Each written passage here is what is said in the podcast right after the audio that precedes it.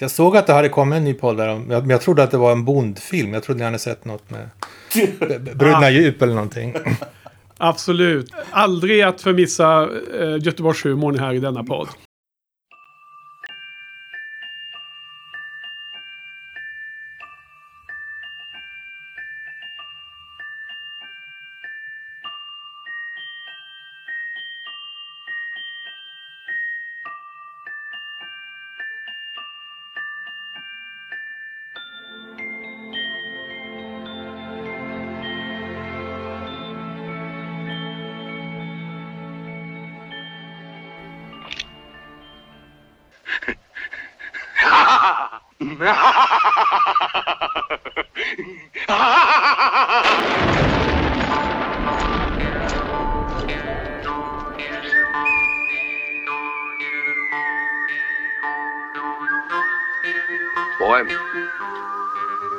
Reached almost 50 years of age with my system.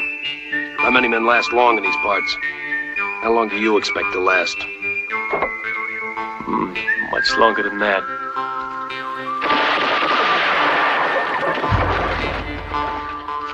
When I get my hands on Indio and that $10,000, I'm gonna buy myself a little place, possibly retire. But you forget one small detail. Want to get my hands on Indio, too.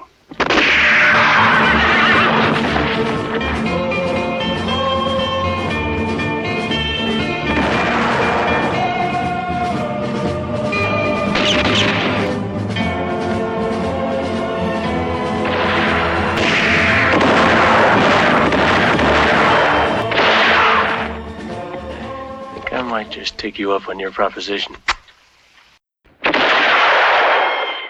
Let's drink to this partnership.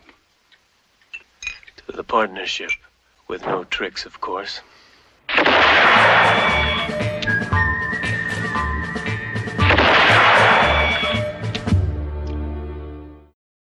Välkomna till Shiny-podden säsong 10 som vi kallar för Clintan-podden. Och idag har vi det femte avsnittet.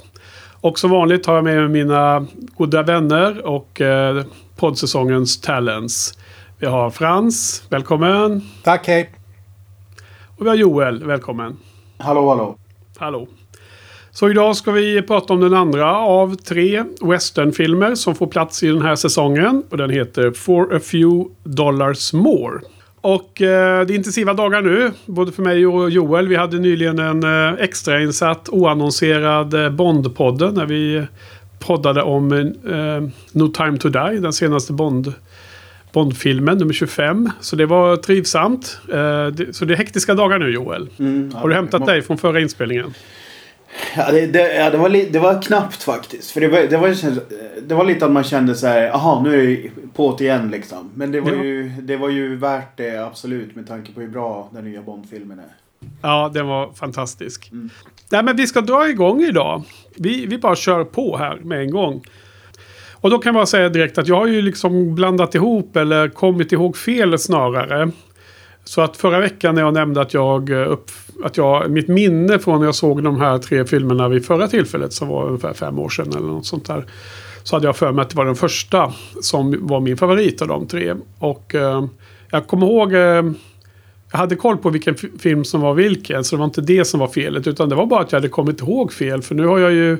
Jag såg den här filmen och tyckte att men vänta nu, den här var ju bättre än den förra tyckte jag.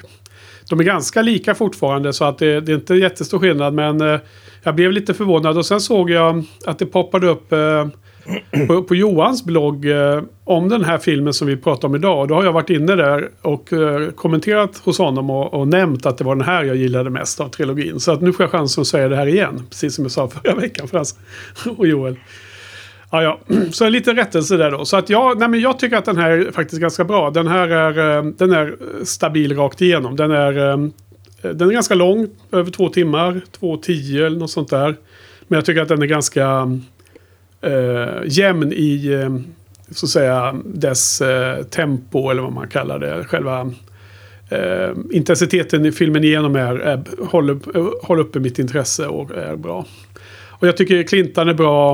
Eh, men jag gillar också väldigt mycket Lee Van Cleefs in, inträde.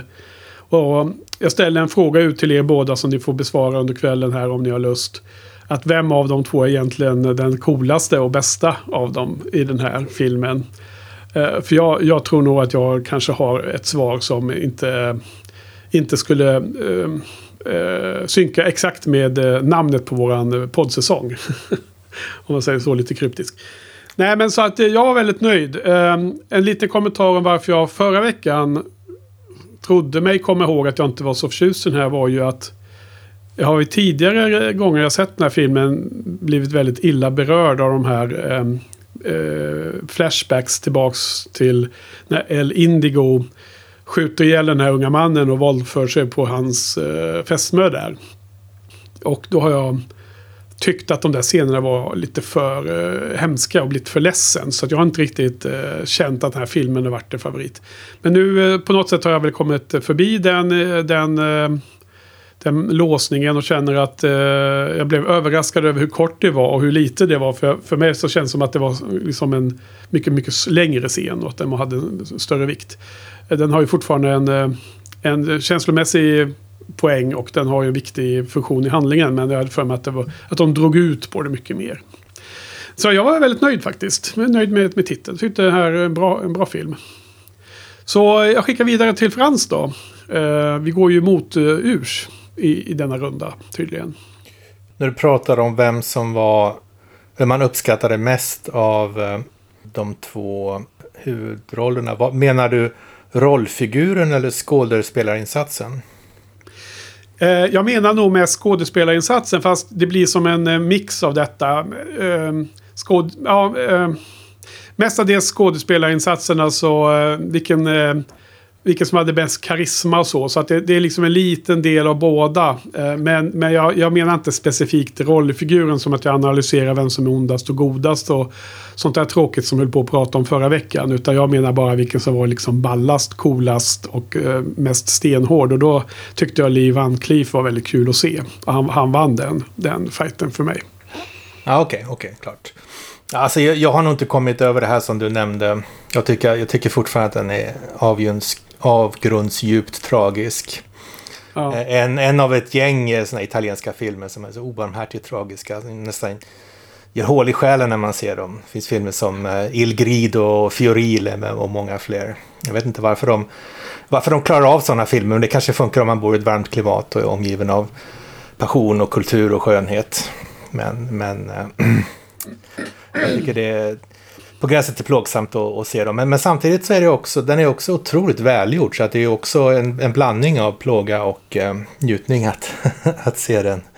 Det, den här banala, det, det finns en yta av en banal handling med de här prisjägarna och bankrånarna och så. Men så, så läggs det hela tiden in små, små antydningar om att det ligger någonting bakom.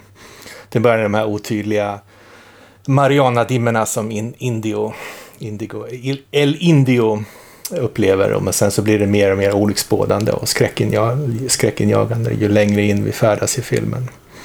Och jag tycker slutet är lika hjärtskärande fortfarande. Fast det är inte gången jag har sett den. Men jag, alltså för mig är nog favoritskådespelarinsatsen i filmen Volontés insats som El Indio. Jag tycker den är...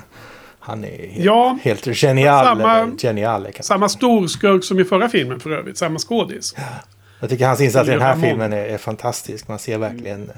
den här totala intigheten i hans, i hans själ. Liksom, när han aldrig kan, aldrig kan glömma det här han har gjort som, som ung. Då.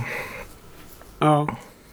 Nej, jag håller med att han spelar den väldigt bra. Um, och uh, håller med om att han är nog den starkaste... Um, det, det, det, starkaste minnet man, man, har kvar av filmen. Men att för mig var det också ganska uppenbart att jämföra de här två Eh, huvudpersonerna. Om man säger så. Eftersom de hela tiden matchas mot varandra filmen igenom. Det är tematiskt för filmen att jämföra dem, tycker jag.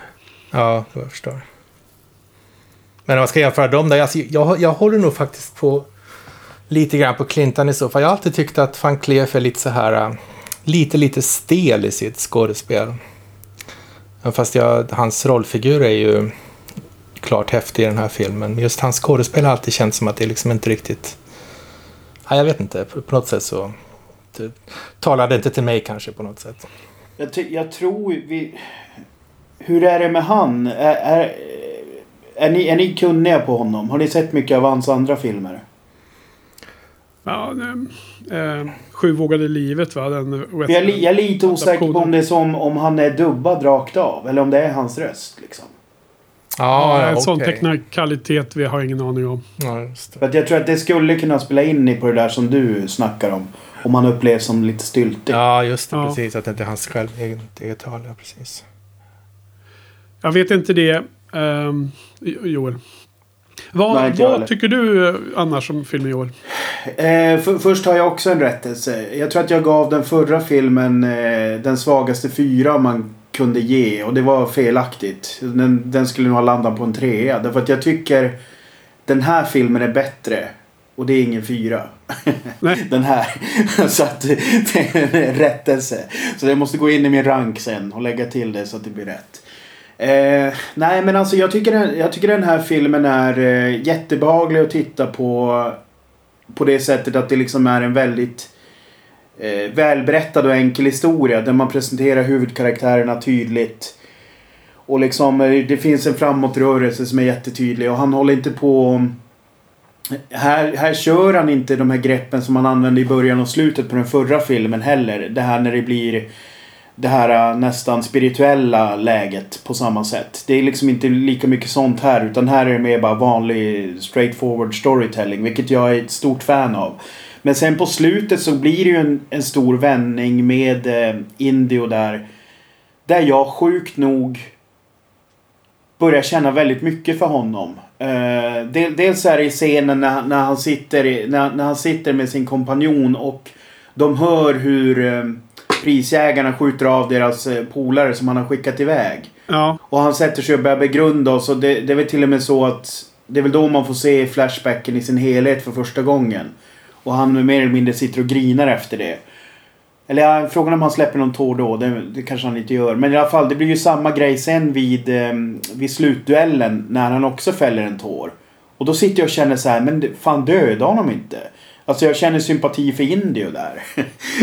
Fast den karaktären ju eh, antagligen är jättenattsvart liksom. Ja, jag, har inte, jag har inte jättestora sympatier för honom. Måste jag... Ja, jag, jag hade det faktiskt. Jag, jag, jag blev själv förvånad för att man har ju upp, alltså hon tar ju livet av sig för att hon måste, för att han våldtar henne. Eller ja, för att han ska inte hinna börja. Ja. Så att det är ju otroligt mörkt. Ja. men, men, men Joel, vill, vill, han inte dö där i slutet då? Ja, jo. Ja, absolut. Jo, men det, det, så är det ju. Han, han, har ju dödslängtan och det planteras ju tidigare i filmen också. Men själv känner jag bara så här, på någon jävla anledning så känner jag omtanke för honom. Nu är vi väl återigen i Marnie-facket här där vi tycker olika om kanske om det som vi serveras. Ja, nej, jag... jag äh, man ser ju också hur han, äh, han beter sig ju i massa olika scener i den här filmen, även i nutid. Det är ju inte så att han bara var un, ungdomlig, oför, oförstående, nej, oförståndig. Absolut. Jag menar, bara, bara, bara som det här med att han hade den här eh, fången som man delar cell med. Som man bara skjuter kall, kallt, rått. Skjuter ner.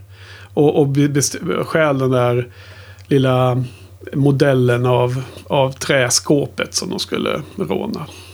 Det, det känns för mig som att han bara, att han söker, kommer ni ihåg den där gamla sången I, I focus on the pain, the only thing that's real. Det känns som att ja, han bara Johnny söker. Cash ja, precis. Johnny Cash har gjort en cover på det. Ja. Ja. Men det känns som att han bara letar efter mer och mer smärta för att på något sätt dämpa ångesten över vad han har gjort. Ja, det kanske är en djup... Är det så alltså, du jag... också ser på det Joel? Nej men alltså jag är helt med er på att så som karaktären för, föreställs mest genom hela filmen så är han ju liksom eh, hyfsat genomond och liksom förtjänar det slutet han får. Men så som de två sista scenerna spelas ut så, så får jag känslan att Ja men vad fan, eh, sätt honom i fängelse istället eller någonting. Alltså jag vet inte, jag, jag ska nu inte dra det till den nivån att det blir liksom en, en dödsstraffs... Eh, att det blir en, ett, ett inlägg mot dödsstraff eller något sånt där. Men jag tycker styrkan i, i, skå, i hans skådespel i de framförallt de två scenerna som gör att jag överhuvudtaget tänker såna här tankar är ju otroligt starkt. För, för att det, det, är en genuin känsla jag hade. Att jag, fan, jag vill inte se honom dö.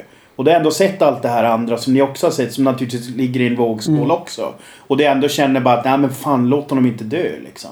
Men, men jag tycker att hans, både hans skådespel som du säger, att det är så starkt och dessutom hur filmen är gjord. Det är ju, den är ju gjord för att på något sätt försöka förklara varför han agerar som han gör. Den, den är gjord för att man ska förstå honom. Så att det är inte konstigt att, man känner, att man känner empati med honom när filmen är så, så tydligt gjord på det sätget. Hur, hur, hur tycker du Frans den, den förklarar hur man ska förstå honom då? Ja, man, man ser honom i de här ångorna, Mariana-dimmorna när han försö- försöker glömma och man ser han hela tiden måste, måste, måste begå mer och mer, mer, fler och fler och grövre och grövre våldsbrott. Det, det känns som att han liksom, hela som jag sa förut, att han bara söker efter mer och mer smärta för att, att han aldrig kan eh, förlåta sig själv för det här han gjorde, gjorde som ung. Då. Mm. Ja, det är möjligt att det, det är en sån studie man ser här eh, framför sig och att, eh, att det är det, det som man ska ta med sig hem. Men det är ju, ja. Det är väl hur, hur, man, hur man ser på det här. För det, man kan ju lika gärna se det som en, en avstängd... Alltså in, en person som inte känner bara starkare och starkare och mer och mer. Utan är avstängd och så att säga och eh, flyr in i Mariana-dimmorna bara, bara för... Eh, bli ännu mer avstängd liksom. Eh, alltså det finns... Det, det, det finns den här eh, starkt kännande personen som, som, som flyr ett minne och gör ännu mer värre saker. Skickar ut mamman och barnet för att bara slaktas och dödar maken senare liksom. Ja, jag vet inte, jag... Jag, jag tog ju den där... Eh, det var för övrigt en eh, överraskande scen att han rökte marijuana tyckte jag. Det ser man inte riktigt i gamla filmer på det sättet. Måste ha varit eh, lite ovanligt i alla fall. Som för när han har dödat någon där, det är väl den där maken där till, till den stackars familjen han just har slaktat. Då, då han, du vet, han, han måste ha den här ciggen direkt liksom av sin närmaste man. Så här, nu liksom. Och sen så får han bara slappna av. Så att, eh, ja jag vet inte, ja, det, är- det är möjligt att man ska ha mer empati för honom. Men jag har inte riktigt funnit den i min, i min titt. Sen, sen blev jag också... Eh, det är uppenbart, jag har ju inte sett den här heller. Ja, det var Eh, min följdfråga. ja. Hade du sett den förut? Nej, nej, det, det är det ju inte. Därför att jag är så van vid Lee Van Cleef eh, porträtteras så, som han gör i Den gode, den onde, den fule. Så att jag, blir, jag blev väldigt överraskad över att det var en sånt jämställt porträtt mellan honom och Clintan här. Liksom, de är ju varsin prisjägare. Eh, på, liksom på samma sida lagen känns det som. Eller på, på samma sida du vet vad gäller e etiskhet och sådana grejer. Eh, jag upplever liksom ingen stor skillnad på dem annat än att de kanske spelar lite olika. Eh, så det blev jag överraskad av och jag tyckte det var... Det var väl en skön överraskning. Så Ja. att ehm, jag, jag, jag tyckte att det var, det var intressant. Speciellt med tanke på nästa film sen. Eh, hur, hur de vänder på det där. Ehm, och jag vet inte, nu är det ju så många skådespelare som återvänt från den första filmen. Så att, menar, om man nu ska snacka om något slags Sergio Leone un, Western Universe. Så är det väl så att får man väl se det som att Clintan är den bestående karaktären och de andra liksom hoppar in och ut lite grann Mm. i olika roller. För det var ju, det var ju inte bara Indio som återkom. Det var ju den här kist, kistgubben var väl med. Ja, igen. absolut. Ja, och så var det väl någon mer jag kände igen också. Ja, Eh, verkligen. eh, Den här kist, eh, han som gjorde kistan i första, kistorna i första filmen var ju någon snubbe som hade vägrat sälja sitt hus till eh, järnväg, järnvägsbolaget. Ja. Var det inte det? Så han, han var, Mr Crazy hade någon konspirationsteori igång där. Det var ju extremt komisk scen. Ja. Det är fånig humor, men det ingår tydligen i de här filmerna. Men här, i den här filmen heter ju mannen utan namn Manko. Ja, så att, precis. det var det han hette här. Men, men, men alltså är, är van Cleefs karaktär, är han prisjägare som, som bara som en bisyssla för att han hela tiden letar efter El Indio? Eller är, det, Ja, han, är det hans syssla och han bara råkar komma, komma råkar liksom komma ihop med El Indio på slutet? Nej, det? jag, jag har en Jag har en... Min eh, tolkning är... ehm, som jag på, på inget sätt har verifierat på internet eller sökt på Frans. Utan jag har bara tänkt eh, själv. Och eh, det är ju att jag... Eh, jag läser in att han... eh, har gjort allt i sitt liv för att kunna hämnas syrrans eh, öde. Han har blivit militär, han har blivit bäst i, vad var det, South Carolina eller vart han nu var, West Virginia. Whatever. Blivit bäst på att skjuta. Han har blivit prisjägare för att både kanske finansiera sin jakt men också för att han typiskt hittar honom då till slut. Och sen så eh, när han fick eh, tag på Indio och hade skjutit ihjäl honom så behövde han inte ens pengarna. Då var ju det den juniora karaktären. Jag menar, vi har ju Michael Caine och Steve Martin. Ifrån mm. Rivierans guldgossar. Här har vi ju Lee, van Cleef som var den erfarna och Clintan som var den som, var, som knappt var liksom... Eh, eh, var inte alls lika erfaren, liksom den känslan jag fick. Han var så duktig på pickadolen men han var liksom inte riktigt samma... Nej, jag, jag, håller med. Alltså, jag är nästan, när man har sett filmen klart så är jag nästan eh, beredd att säga att Lee Van Cleef är huvudrollsinnehavaren. Om man nu ska hårdra det till att det är en huvudrollsinnehavare i en film. Eh, protagonisten, ja. ja. Med, med sin resa. Mm. Och det, för mig var ju det jätteöverraskande eftersom jag... Jag, så, jag såg ju eh, när jag kollade på... Um, eh, infon på filmen att när Lee Van Cleef skulle vara med. Men då tänkte jag mig mycket mer ja, upplägget som vi får sen i Den gode, den onde, fula. Att de liksom eh, tävlar mot varandra på ett annat sätt. Och här är det ju lite så i början. Men det är ju ganska snabbt som de börjar samarbeta. Och det, det samarbetet fortgår ju eh, rätt mycket. Hur, ja. hur, hur tolkar ni slutet, när, när han äntligen, jag, jag, håller med om att man förmodligen ska se det som att han har sökt efter Elindio hela sitt, hela sitt liv, eller hela sitt vuxna liv. Men hur tolkar ni slutet när han äntligen har fått sin hämnd? Och han liksom bara sätter sig upp på hästen, eh, ler lite åt Clinton och säger okej, okay, hej då. Som att liksom... Ja, men jag tror att han är på väg hem liksom. Han ska sätta sig på verandan framför huset i en eh, sån här gungstol. Är det som, som en, en vikt, Eller, som, vikt som har lossat ur hans, mm. hans hjärta på något sätt? Är det det man ska se? Ja. Det är lite som när, när Thanos när han sätter sig på sin alp, vid sin alpstuga därefter att han ja. har tagit bort 50%. Det är ju exakt den känslan. Thanos. Ja, nu är han färdig med sitt eh, ja. livsprojekt. Nej, men detta, Tranås, det är en by. Thanos. Ja, nej, jag, jag, jag, tycker att... Eh, alltså jag ömmar inte så mycket för Indigo som ni verkar göra. Utan jag ömmar för... Um, Colonel Mortimer eller vad han nu heter. Liv jo, jo, Alltså det är så här. Det är ju det, det, är det här som gör filmen intressant. Att det, ja. det, är ju inte, det är inte så jävla enkelt. Utan det är ganska mycket gråzoner här. För att absolut. Ja, precis, men eh, men ja, man kan ju ändå ha den åsikten också. Jo, jo. Jo, jo, jo men fast, fast, nu fick det låta som att det var antingen eller. Och så är det ju inte. För att jag Nej. tycker jättemycket om eh, översten också. Alltså det för mig blev ju Clinton mycket mer en bifigur i den här filmen jämfört med den förra. Eh, för dels så har han inte de här relationerna med sina hjälpreder som han hade i den förra filmen. Ja. Där de blev ett litet kluster. Utan nu är han ju mer en, en showman. Han får lite så här flashiga scener men men liksom den, den, den stora konflikten är ju den här som vi får serverat på slutet. När det, när det visar sig finnas det här långvariga från, från tillbaka.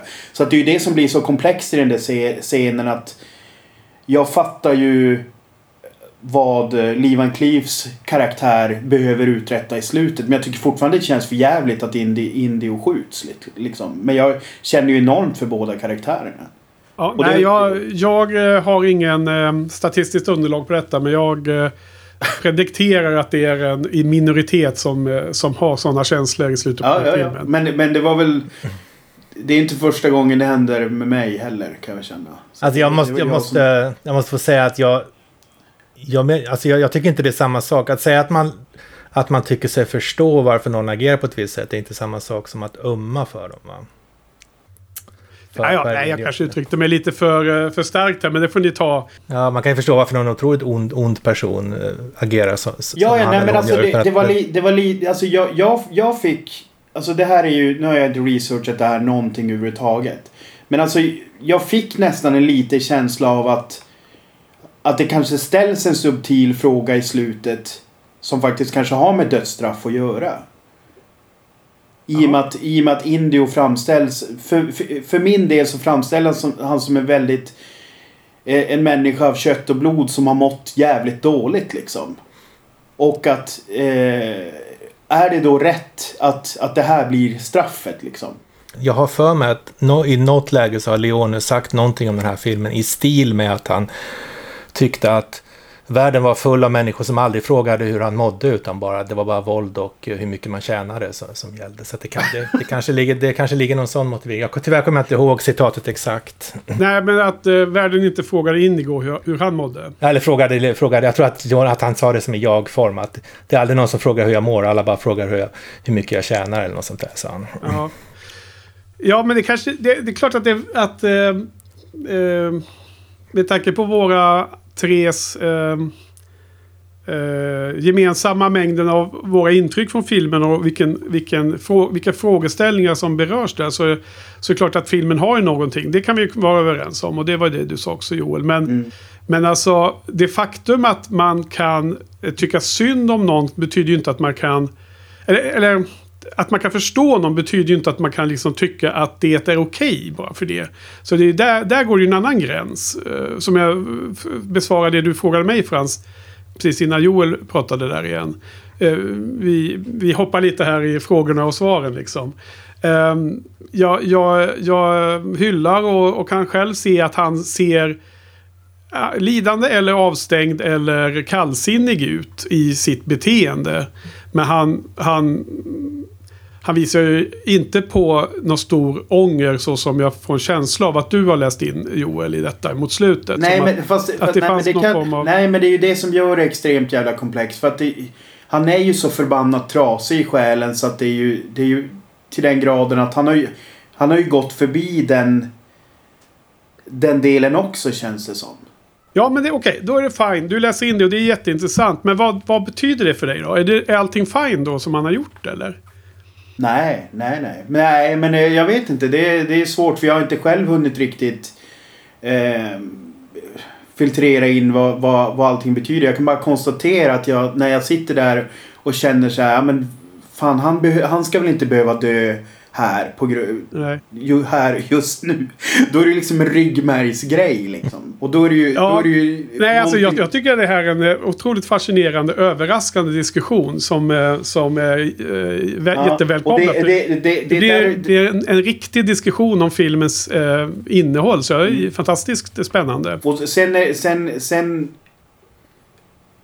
jag tycker absolut inte att han visar egentligen något skäl på ånger utan det är, det, är, det är ju snarare bara att ja men det har gått så jävla långt för den här karaktären. Och då, då kanske ett sätt att bara hjälpa honom är att döda honom också. Men samtidigt, jag vet, det, det, det känns någonting som, som jag tycker är fundamentalt liksom eh, ställs på sin spets där. Och det är ju det är huvudsakligen via hans skådespeleri. Men det är ju också de valen man väljer att göra. Därför att under första halvan av filmen så, så har man ju inte backstoryn på samma sätt. Så att det är jävligt enkelt att döma honom också. Ja, men eh, det det eh, när den här spännande eh, diskussionen om filmen kommer upp så är det också lätt att eh, spela djävulens advokat och se andra sidan. Och om ni låter mig göra det då så kan jag ju tycka att han är extremt eh, skenhelig på ett sätt också. Han, eh, han, han blir... Eh, de hämtar honom på fängelset och bryter ut honom genom att attackera fängelset och ta ut honom. Och han får då tag på den som har förrått honom så han åkte i fängelset.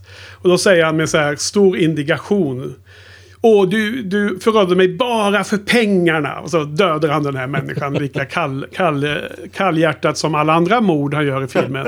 Och sen handlar resten av filmen om hur han ska eh, stjäla mer pengar till sig. Och hur han dessutom förråder hela sitt band. Eh, genom att fri, eh, frita Clintan och Lee Van Cleef och skicka iväg dem och sen skickar han sitt band i bakhåll hos de här överlägsna revolvermännen. Så att han ska få mer pengar. Så att han är ju ganska... Han är ju så jäkla patetisk. Och jag... jag jag, jag, tar, jag antar den inställningen i detta. Jo, jo. Nej, men, och, och, men det jag försöker formulera är ju att allt det du precis berättar för mig vet ju jag om också. Ja. Och att jag då sitter i slutscenen och känner liksom ganska så här... För inte hur fan man ska beskriva det, nästan moderliga känslor för att liksom jag tycker att det... Ja, alltså jag känner att vad fan... Är det verkligen liksom... så här det ska behöva bli. Ja, Då är det ju ännu, ännu mer. För jag håller med dig. Allt det andra är ju serverat. Så att det, nå- något ja, det jävla... är ju lätt att glömma av vad som händer i filmen också. Men, men kan det vara så att han spelar så naket och sårbart att de signalerna går fram och, Mm. och pickar igång den, den eh, typen av känslor? Ja, att det tycker är jag- hans det- skådespeleri som är så, Ja, jag- så jag tycker- innerligt. Ja, jag tycker nog fan det. Speciellt i den scenen när han sitter med, med glaset och, och tänker tillbaka till Flashbacken och man får se den i sin fulla helhet. För då är det ju ett extremt liksom naket och rått porträtt. Jag menar, han säger ju ingenting. De filmar ju för fan bara hur han sitter helt tomt och är liksom så jävla trasig som man kan bli liksom. Ja. Och Nej, men det, Antagligen är det ganska realistiskt. Men om man mördar så mycket folk hela tiden, hela sitt liv. Då är man antagligen ganska hollow inuti. Tror ni inte det?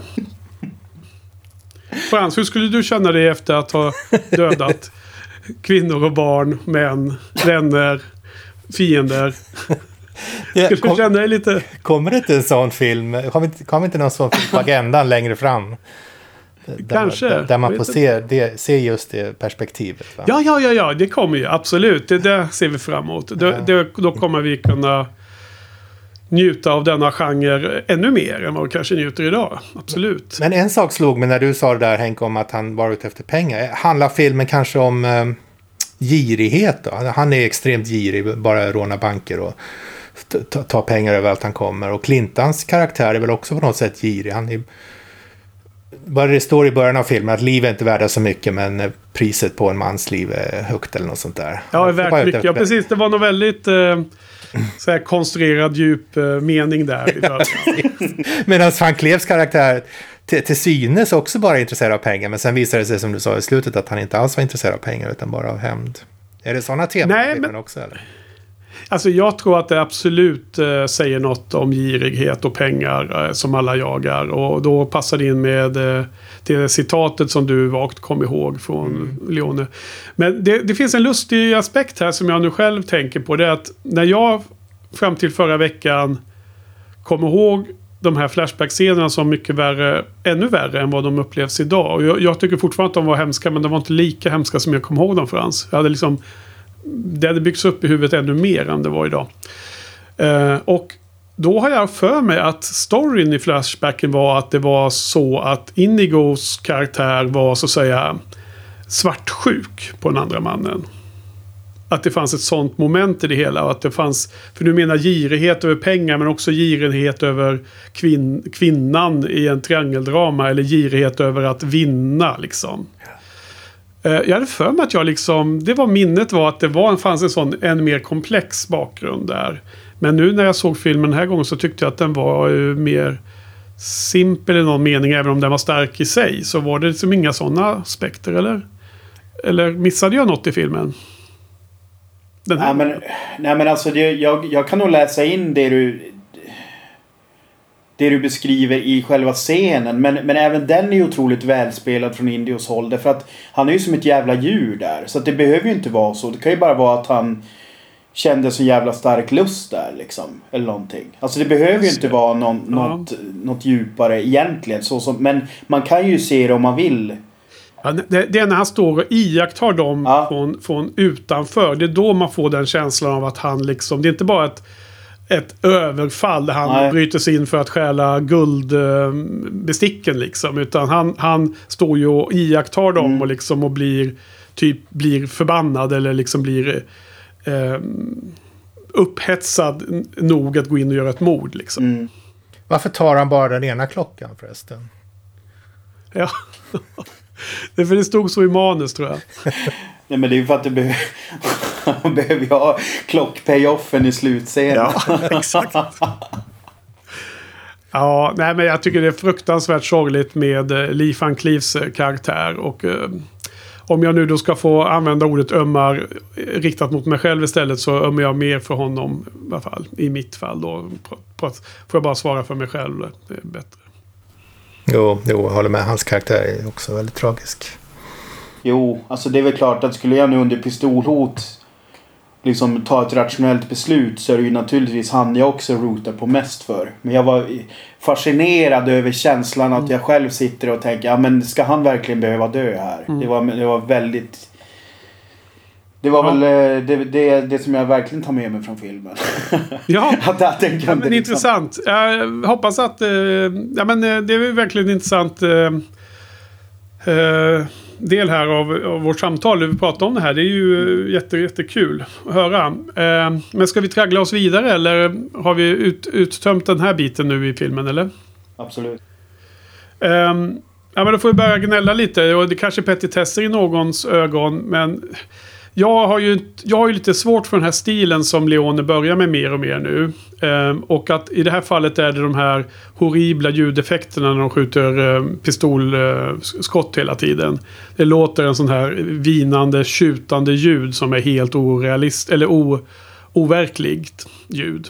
Så det är alltså en ljudeffekt, en ljuddesignfråga mer än en, en realistiskt ljud.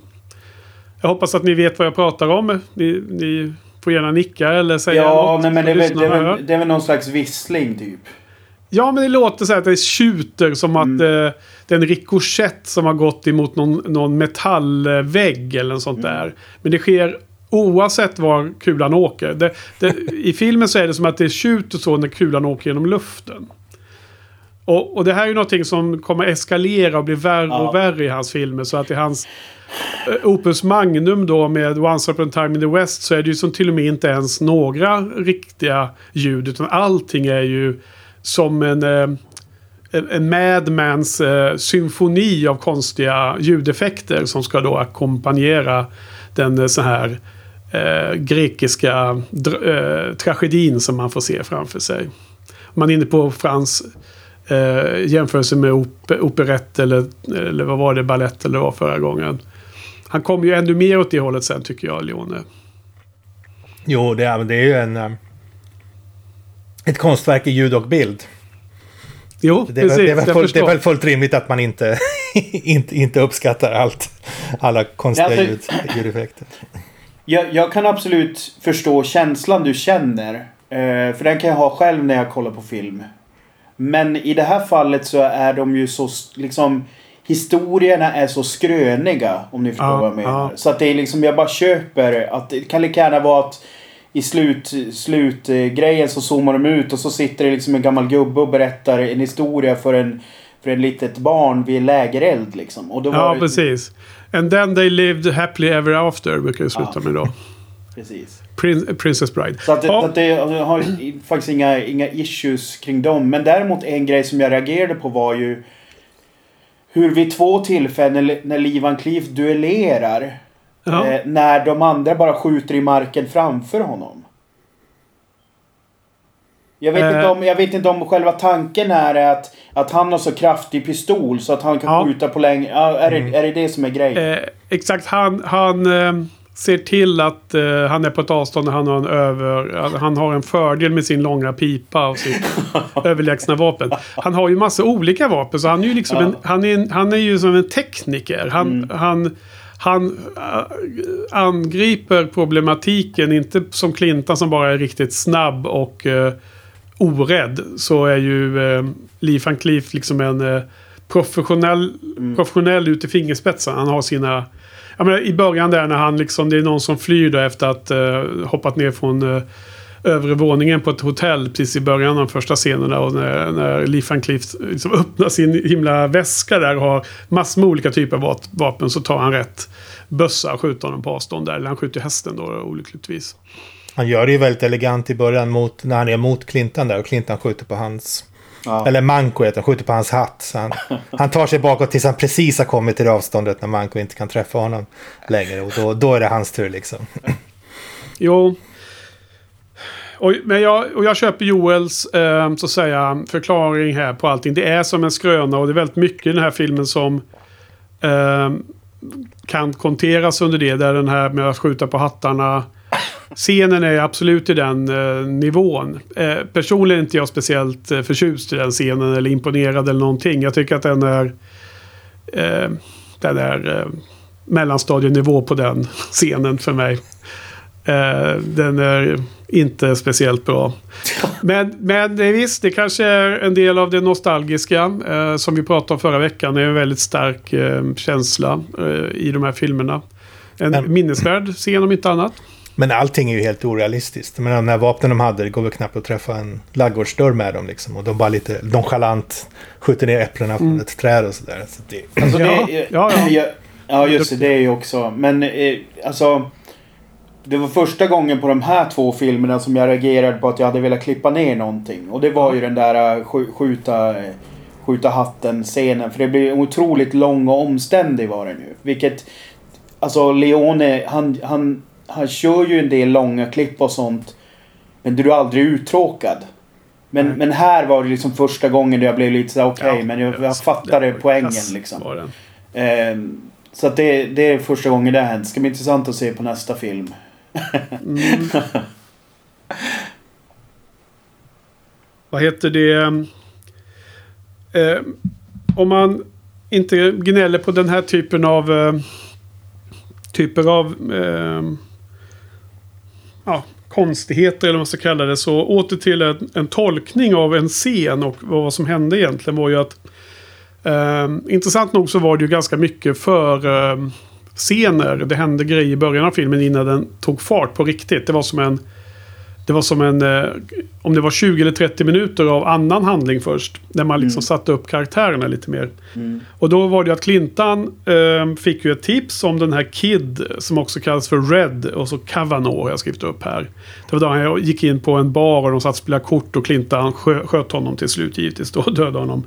När han då kom tillbaks till den sheriffen som han hade fått det här uppdraget för, det här Bounty-uppdraget från. Och när han fått tillbaka sina, eller fått sina pengar för den, om det var 2000 eller det var den gången.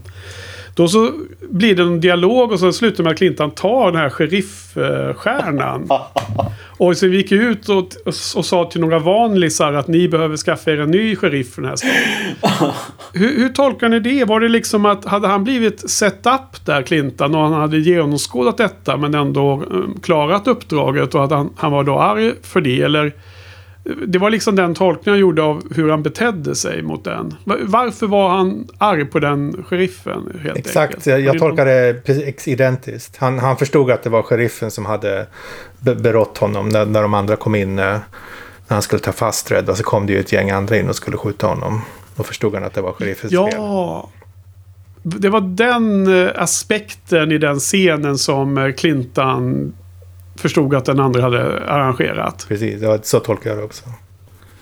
Men, men vad var det en game för dem då? Var det att döda Clintan och ta den här eh, Bountyn och, och få de pengarna själv? Nej, jag tror att rädda Red. Jag tror att de alla var... Han var korrumperad. Ja, precis. Korrupt, korrupta, precis. Rätt ord. Jaha, okej. Där ser man. Ja, något hände ju där i alla fall. Du och Joel, har du någon eh, alternativ eller håller du med? Nej, alltså jag tyckte det var en kul scen när han kommer ut och slänger, slänger liksom sheriffstjärnan i backen. Men jag, jag, jag reflekterar inte jättemycket kring eh, vad som hade hänt där. Det gjorde jag inte. Nej. Ja, ehm, eh, en annan liten ljusglimt i filmen tyckte jag Klaus Kinski var. Som spelar den här Wild. Som var The hum, Hunchback eller vad det heter. Alltså puckelryggen. Han, han ser ju alltid helt crazy ut. Är Otroligt spännande skådis va, egentligen. Är han inte det, Klaus Kinski?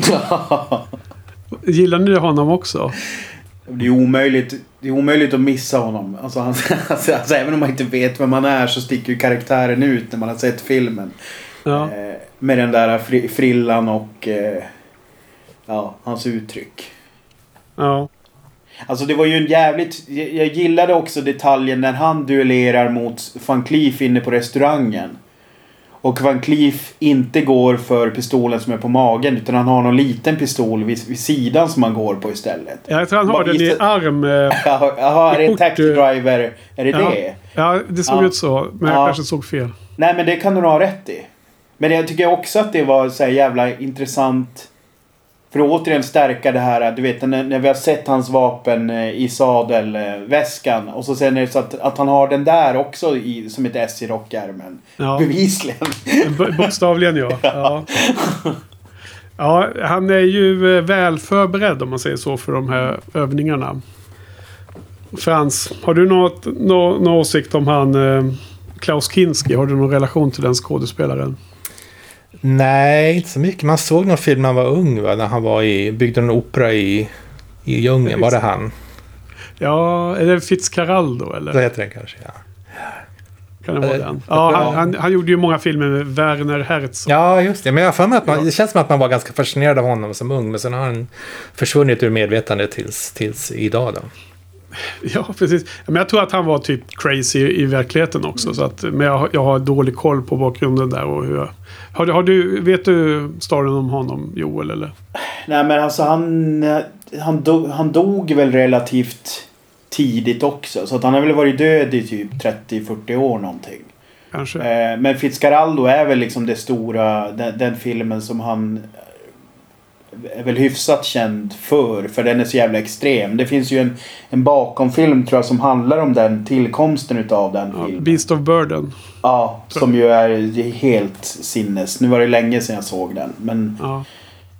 Eh, Jag tror det finns någon Criterion Collection-utgåva med båda dem. Ja. Det är Som extra Nej, men jag tycker det bara var intressant att se se honom här för det är ju liksom...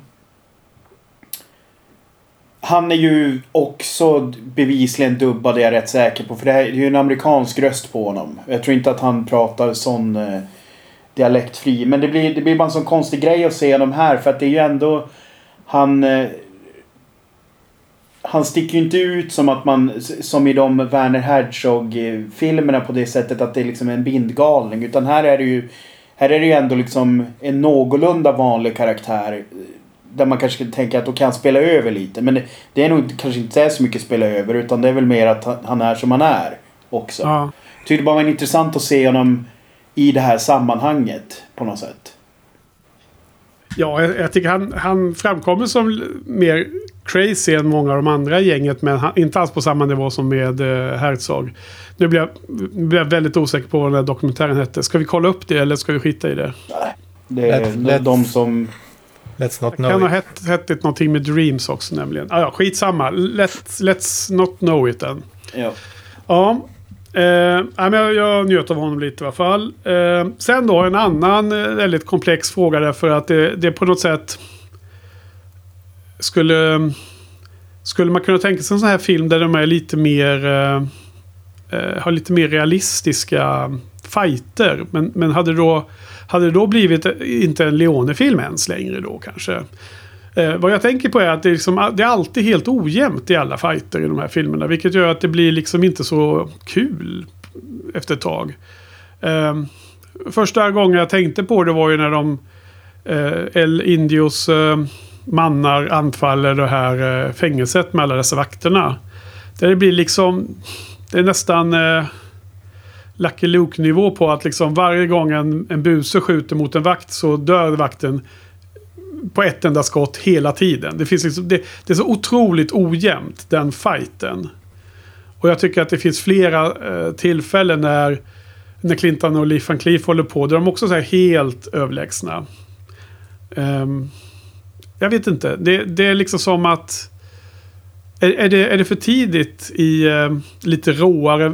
Eh, eran av lite råare westerns? Som inte är så polerade och polished som Hollywood var. Man, man tar det till lite mer brutalt men det är fortfar, fortfarande så att man inte riktigt hittat tonaliteten att, att göra det liksom mer realistiskt. Ja, alltså... Per, personligen så är jag, jag återigen överraskad över att Clinton och eh, Lee Van Cleef hamnar i underläge här. För att det, jag, hade nog, jag hade nog mer inställningen när jag gick in i de här filmerna att de kommer vara liksom... Eller att Clinton åtminstone kommer vara lite untouchable. Alltså lite åt Steven Seagal-hållet som han är i sina filmer. För att han vägrar ju... Han går väl inte med på att spela en roll om det inte är så att han vinner i allting konstant inte hela säkert. tiden. Nej men så att, jag, så att jag är nog snarare överraskad åt andra hållet än vad du är. Alltså att, det, att, det var så, att de är så pass touchable som de är. Faktiskt. Ja, Sen, sen, vad, sen vad som blir en bra historia eller inte. Det, eller vad som blir bättre eller inte. Det, alltså det, det, den enda som jag kan... Den enda filmen som jag ständigt eh, kommer tillbaka till. Som jag, som, jag, som, jag, som jag bara känner är den enda som kan mäta sig tonalitetsmässigt med de här. Vad gäller westerns. För ungefär den tidsperioden. Det är The Wild Bunch. Vilket är ju en... För mig är det, det är en fantastisk film. Men det är ju lite, det är lite samma upplägg där också. Att det, det är lite... Den är ju otroligt blodig och extremt bra action för att vara filmat så, så länge sedan tillbaka. Eh, men den har ju lite samma känsla. Så att det, är väl... Peckinpah borde, måste ju nästan ha inspirerats av de här. Känner jag. Ja. Men jag har ingen sedan, det var länge sedan jag såg den, men den, den kom ju då eh, 69 tror jag. Den var ju Ja. precis i samma, det var ju samma decennium. Det var några år efter det här, i alla fall. precis. Ja. Nej, jag, jag, jag gissar att jag är ute och, och det är helt fel att ens fundera på någon form av eh, ändring eller förbättring i den här frågan. Eh, så att... Eh, ja. Eh, vad, vad säger du Frans om min, eh, mitt eh, snedsprång här utåt tangenten? Jag tycker att allt, allt våld och allt skjutande som händer, alla fighter är helt orealistiska. Och, Ja. vad, och vad jag har förstått så liksom, det här med dueller och sånt, det förekom liksom inte i väster. Så att allting är bara en slags myt, legendbildning av livet i väster som man bygger på. Då, då, då kan jag köpa att det är lite sago, sagomässigt det hela liksom, för att det är ändå Ja. så, så orealistiskt.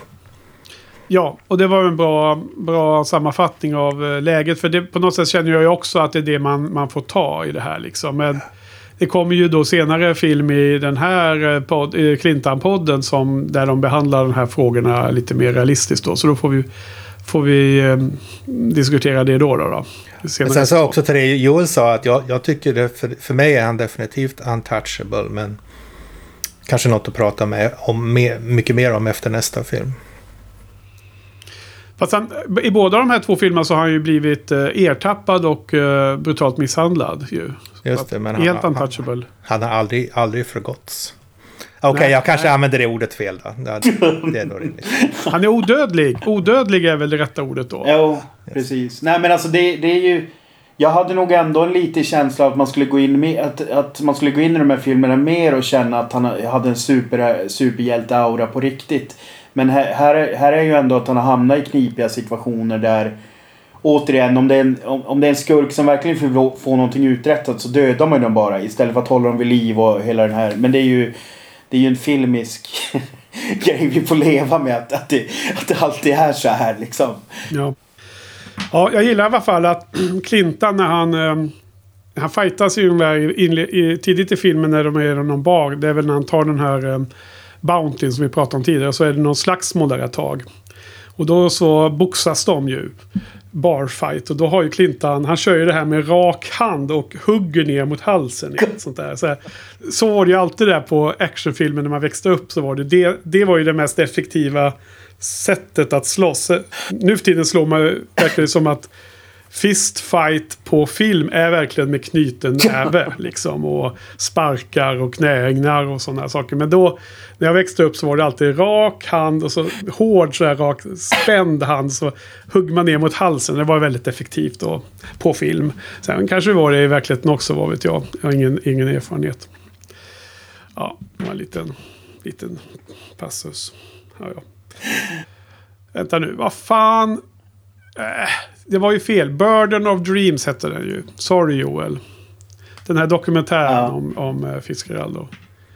Ska du säga det i sa, samma tonläge som du var så att jag kan klippa in det mitt i meningen där? Nej, det behövs inte.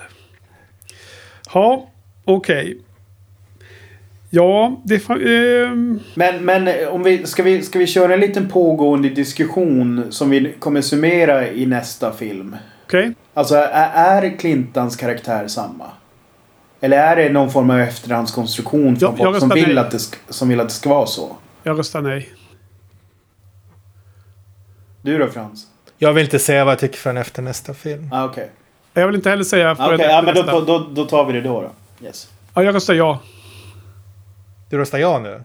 Vadå, Nej, du, efter nästa säger jag. ja. Alltså, okej. jag, jag, vill, jag vill bara poängtera att han hade ju typ exakt samma gröna pon- poncho på sig i den här filmen också.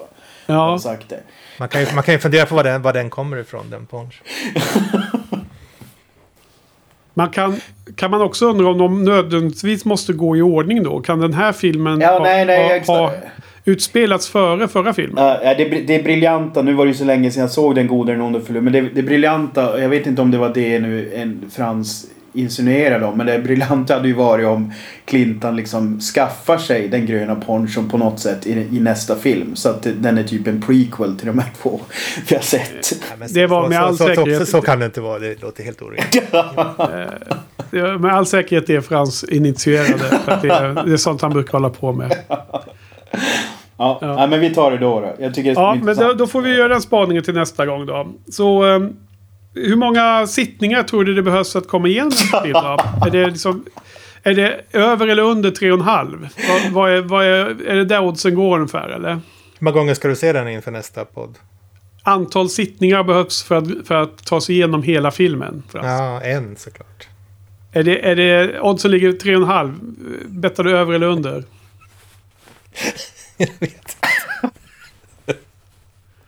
Vad säger du? Tre och eh, en halv. Vad är en halv sittning i så fall? Nej men därför du ska, du ska rösta. Du, du bettar över eller under. Du vet Ah, väl okej. någon hur betting Tre, tre eller fler än tre. Jag förstår. Jag förstår. Sorry, jag är inte så in.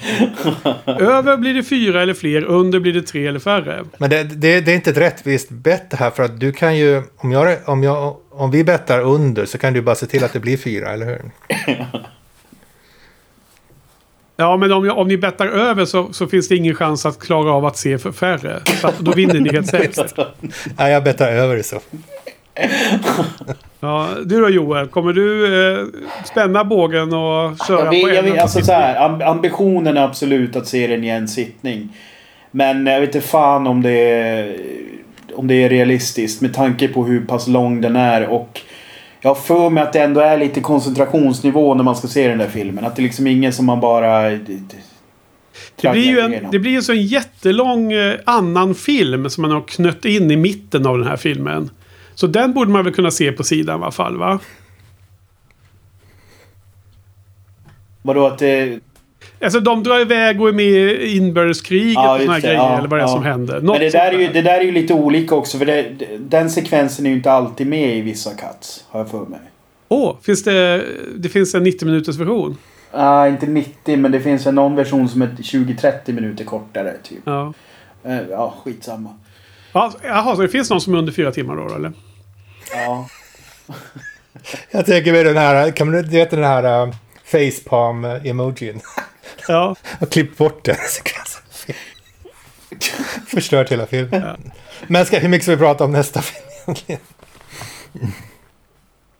Nej, men det är väl spännande att uh, hypa lite inför den här uh, skolfilmen. du verkar ju peppad.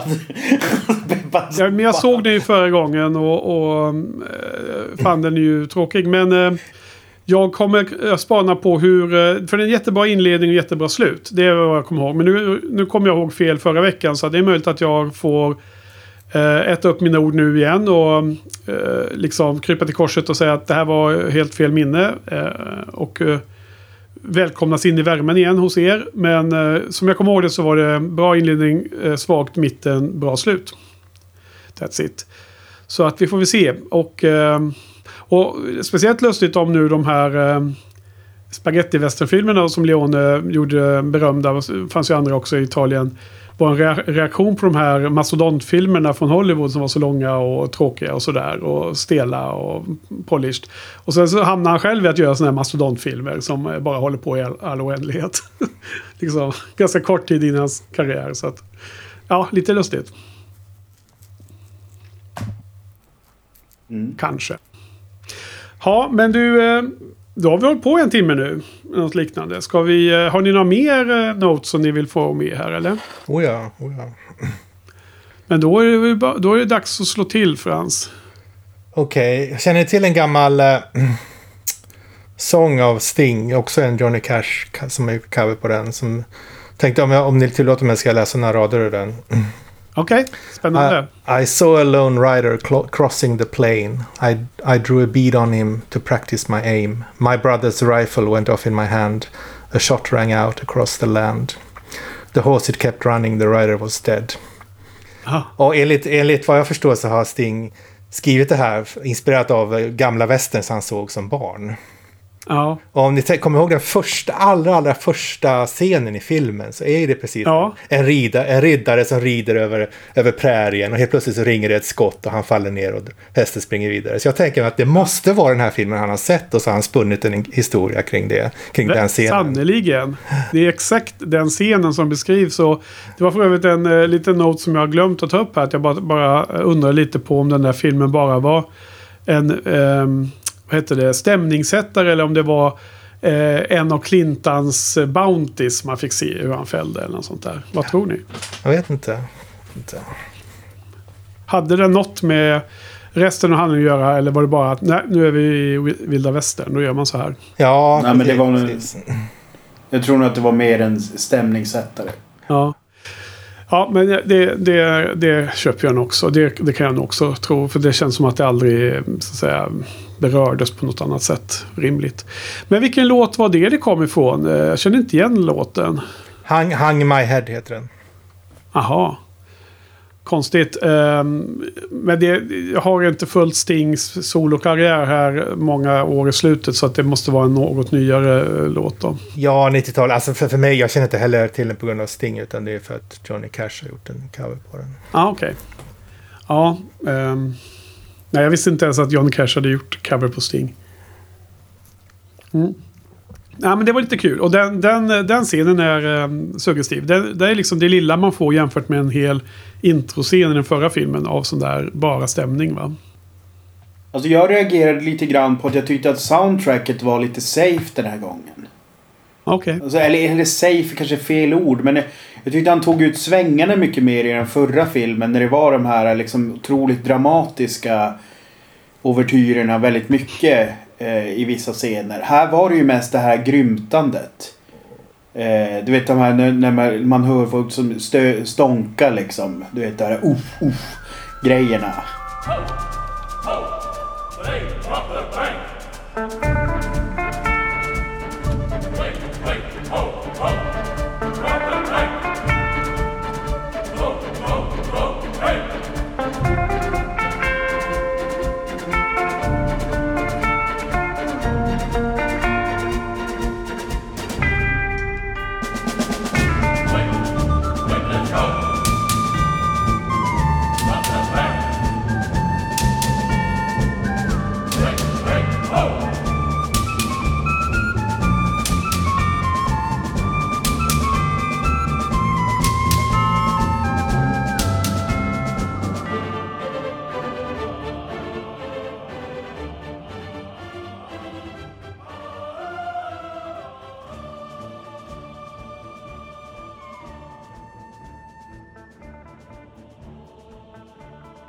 Men jag, jag kommer ihåg att jag gillade att det fanns vissa så här asiatiska undertoner i musiken den här gången. Tyckte jag mig känna igen i alla fall.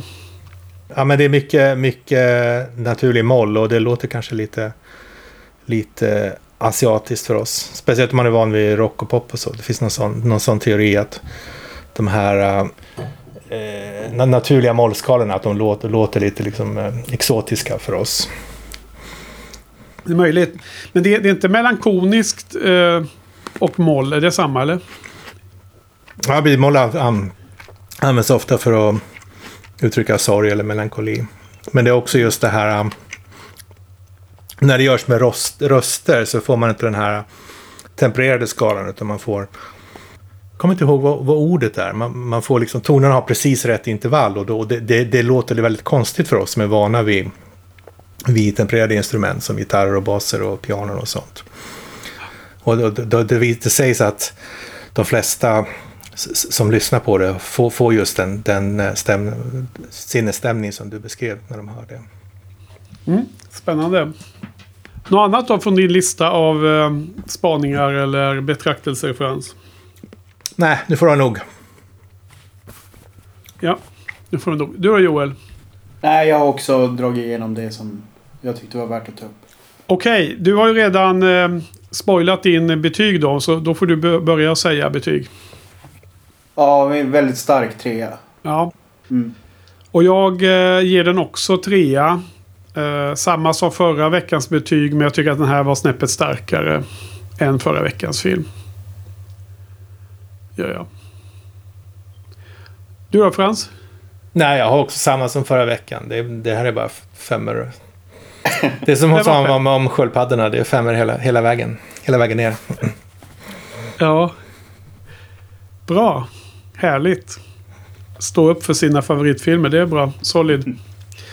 Okej då. Så ehm, då är vi klara för idag. Och nästa vecka så tar vi den tredje och sista från Dollar-trilogin. Den onde, den gode, den fule.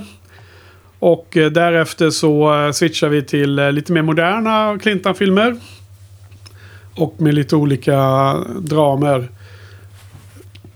Och för de som vill eh, kolla vilka filmer vi ska prata om på den här första säsongen av Clintan-podden. Så går man in på shinypodden.se och letar fram något av de här avsnitten och kollar i show notes. Så ser man vilka filmer som kommer eh, presenteras i, eh, här under säsong. Och då kan man eh, förslagsvis titta på filmerna om man är sugen. Och så kan man lyssna vad vi säger om dem sen. Ja, Okej, okay. men då så tackar vi våra lyssnare. Och tack till Joel, tack till Frans och på återhörande nästa vecka. Ha det!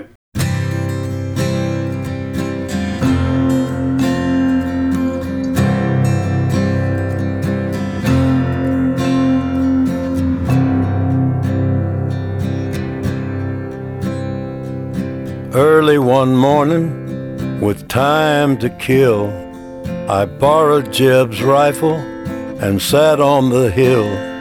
I saw a lone rider crossing the plain. I drew a bead on him to practice my aim. My brother's rifle went off in my hand. A shot rang out across the land. The horse he kept running, the rider was dead. I hung my head, I hung my head.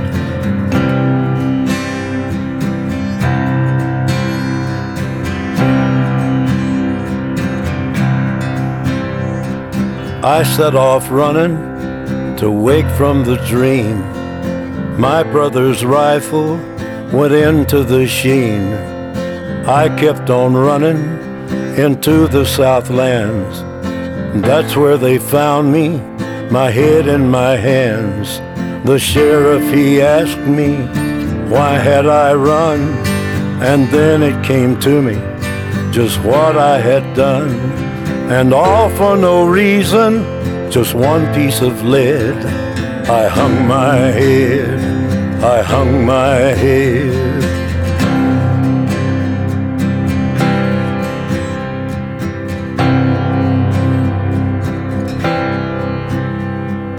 Here in the courthouse, the whole town was there.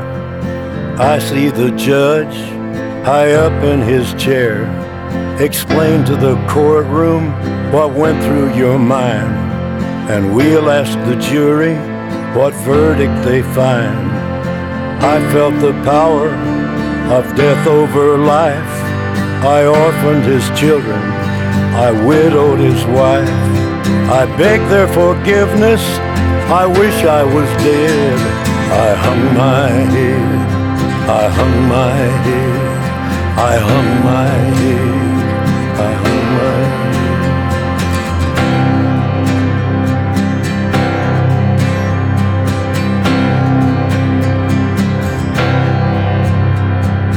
Early one morning, with time to kill, I see the gallows up on the hill. And out in the distance, a trick of the brain, I see a lone rider crossing the plain. And he come to fetch me to see what they done. And we'll ride together till kingdom come. I pray for God's mercy, cause soon I'll be dead. I hung my head, I hung my head. I hung my head, I hung my head.